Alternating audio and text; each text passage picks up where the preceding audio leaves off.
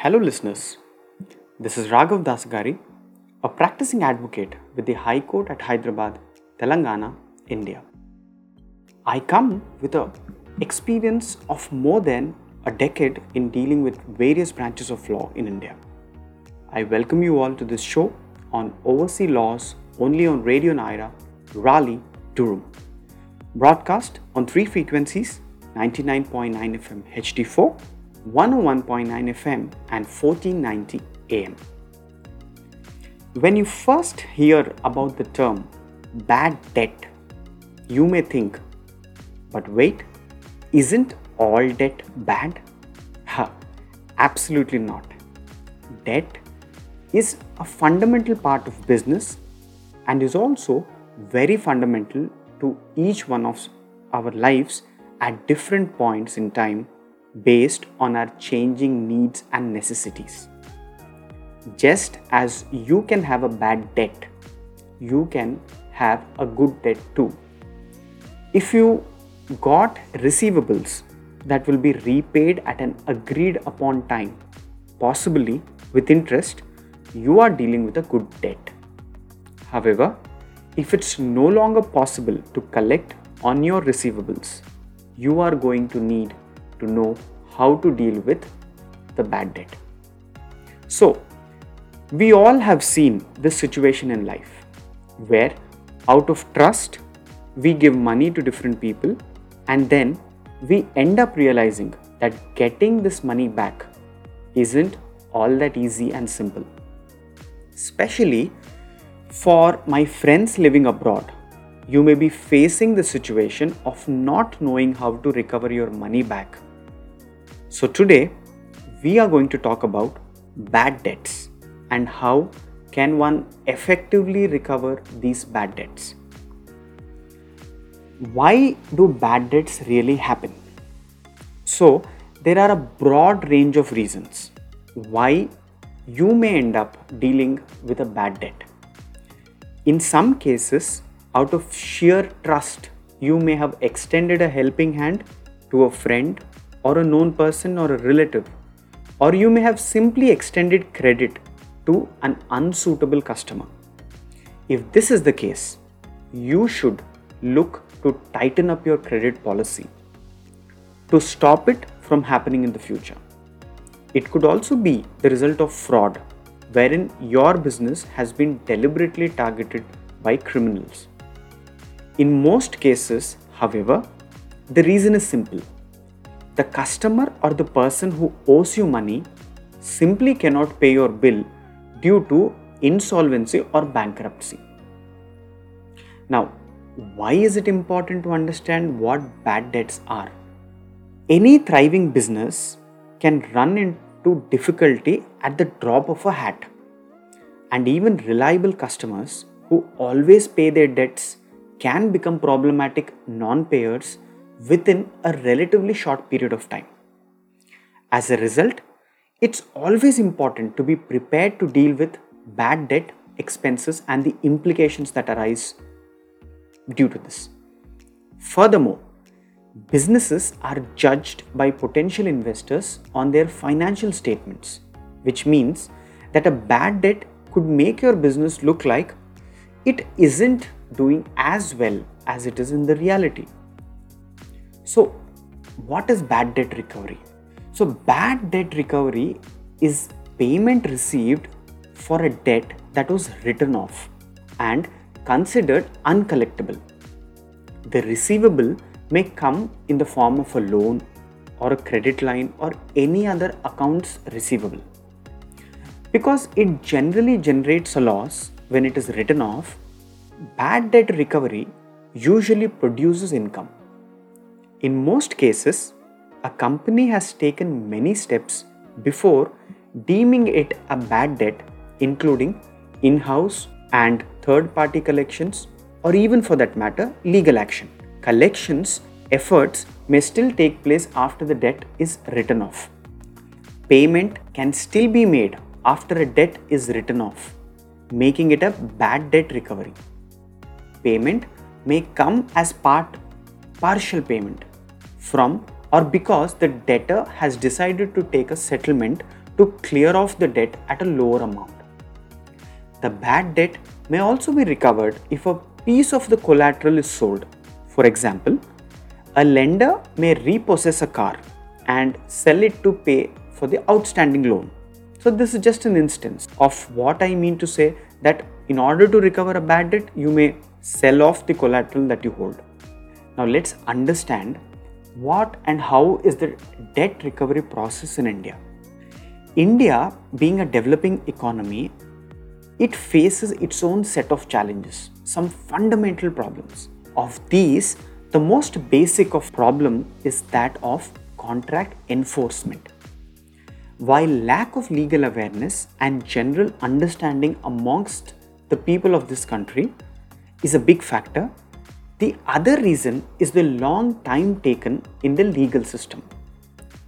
While getting into contracts, most people do not even consider the remote possibilities of what may happen in future in case of breakdowns or even, if some do, they do not tend to question the terms and conditions or even what are the means available to enforce the agreement in the event the other party does not honor the agreement.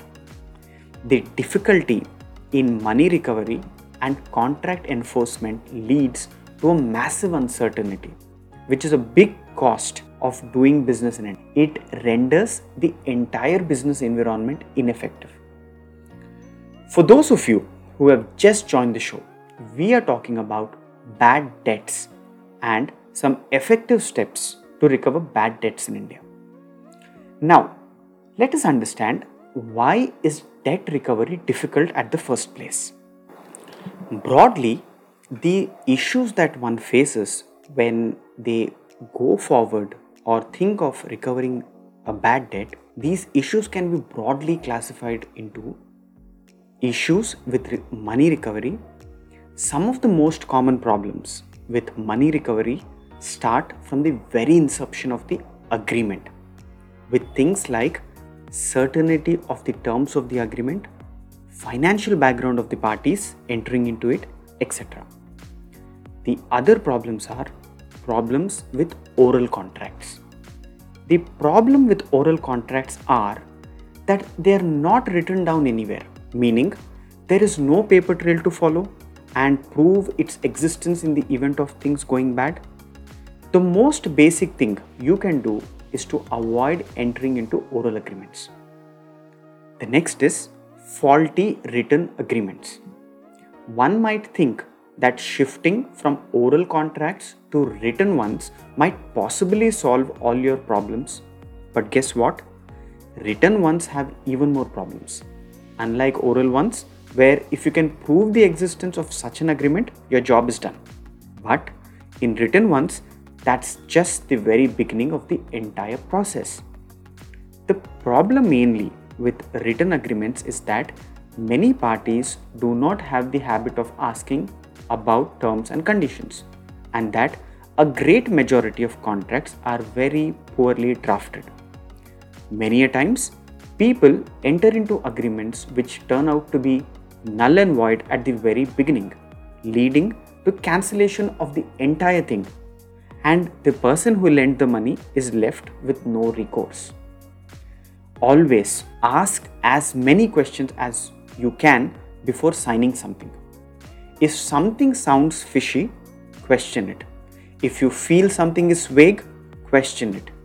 Questioning something will not only clear your own doubts but also keep the opposite party always on their toes and they'll think twice before trying to cheat you the next problem one faces when they go for recovery of bad debts is issues related to the jurisdiction.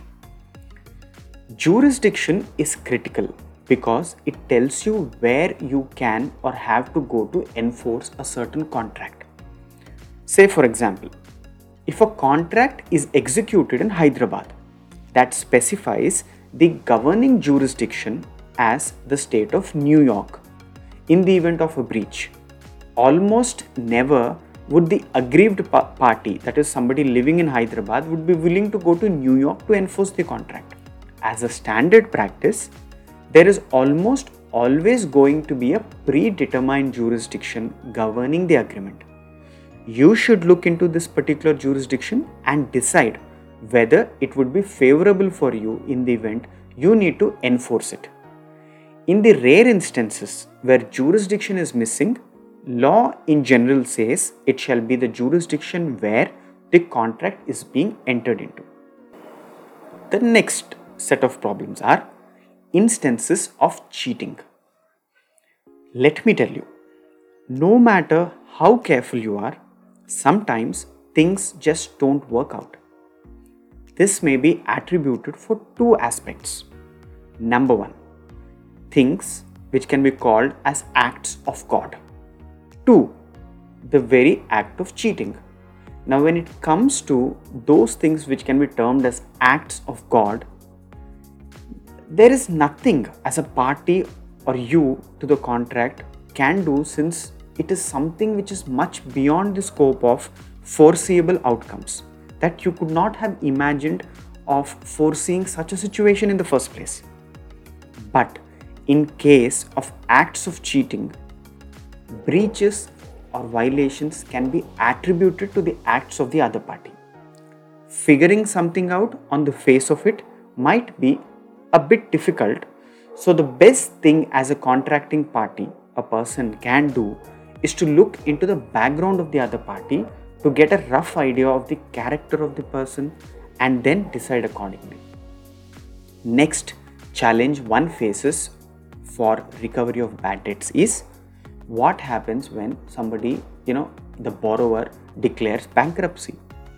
So, bankruptcy relates to the other party being completely unable to execute the contract due to a complete cash crunch and possible insolvency from his end. The best way to avoid such a situation is to look into the balance sheets and financial statements of the other party in case the other party that you're dealing with is a corporate body at the point of signing the very contract. If things seem sketchy it is advisable to either not enter into a contract or to ask for some guarantees. However, you actually cannot always imagine that a person who you knew was you know in a, in a sound state of affairs or having good stability financially could end up being bankruptcy. So that will always be a situation where you really can't comprehend. Now what are the other issues that you may face while you deal you know where you have to recover money from corporate bodies? The main problem with companies or corporates is that there is a lot of red tapeism that's a lot of formalities. Like there there there could be communication gaps and inefficient management as a contracting party you can have two types of relationships with a company the first being an investor relationship, and the second being a business relationship. So, if your relationship is an investor relationship, then there are already safeguards in law. Like there is a law called the SEBI Act, the Securities Contract Regulation Act, and the Companies Act, which actually gives a set of security in, in, in terms of you know having fixed timelines for investors and protecting their interest. Now, the main problem is that the investor is not aware of his right at the time of signing the agreement. So, therefore, I would say always be educated. The best way to know the rights of an investor is to either go through the SEBI web- website for increasing the investor education, or you could also, you know, attend one of the uh, awareness camps that all these regulators keep doing on and off. Therefore, you being educated of your rights actually helps you a lot in this scenario. Now, for the later bit of it, that is where you have a business relationship with a corporate, red tapeism is the primary problem.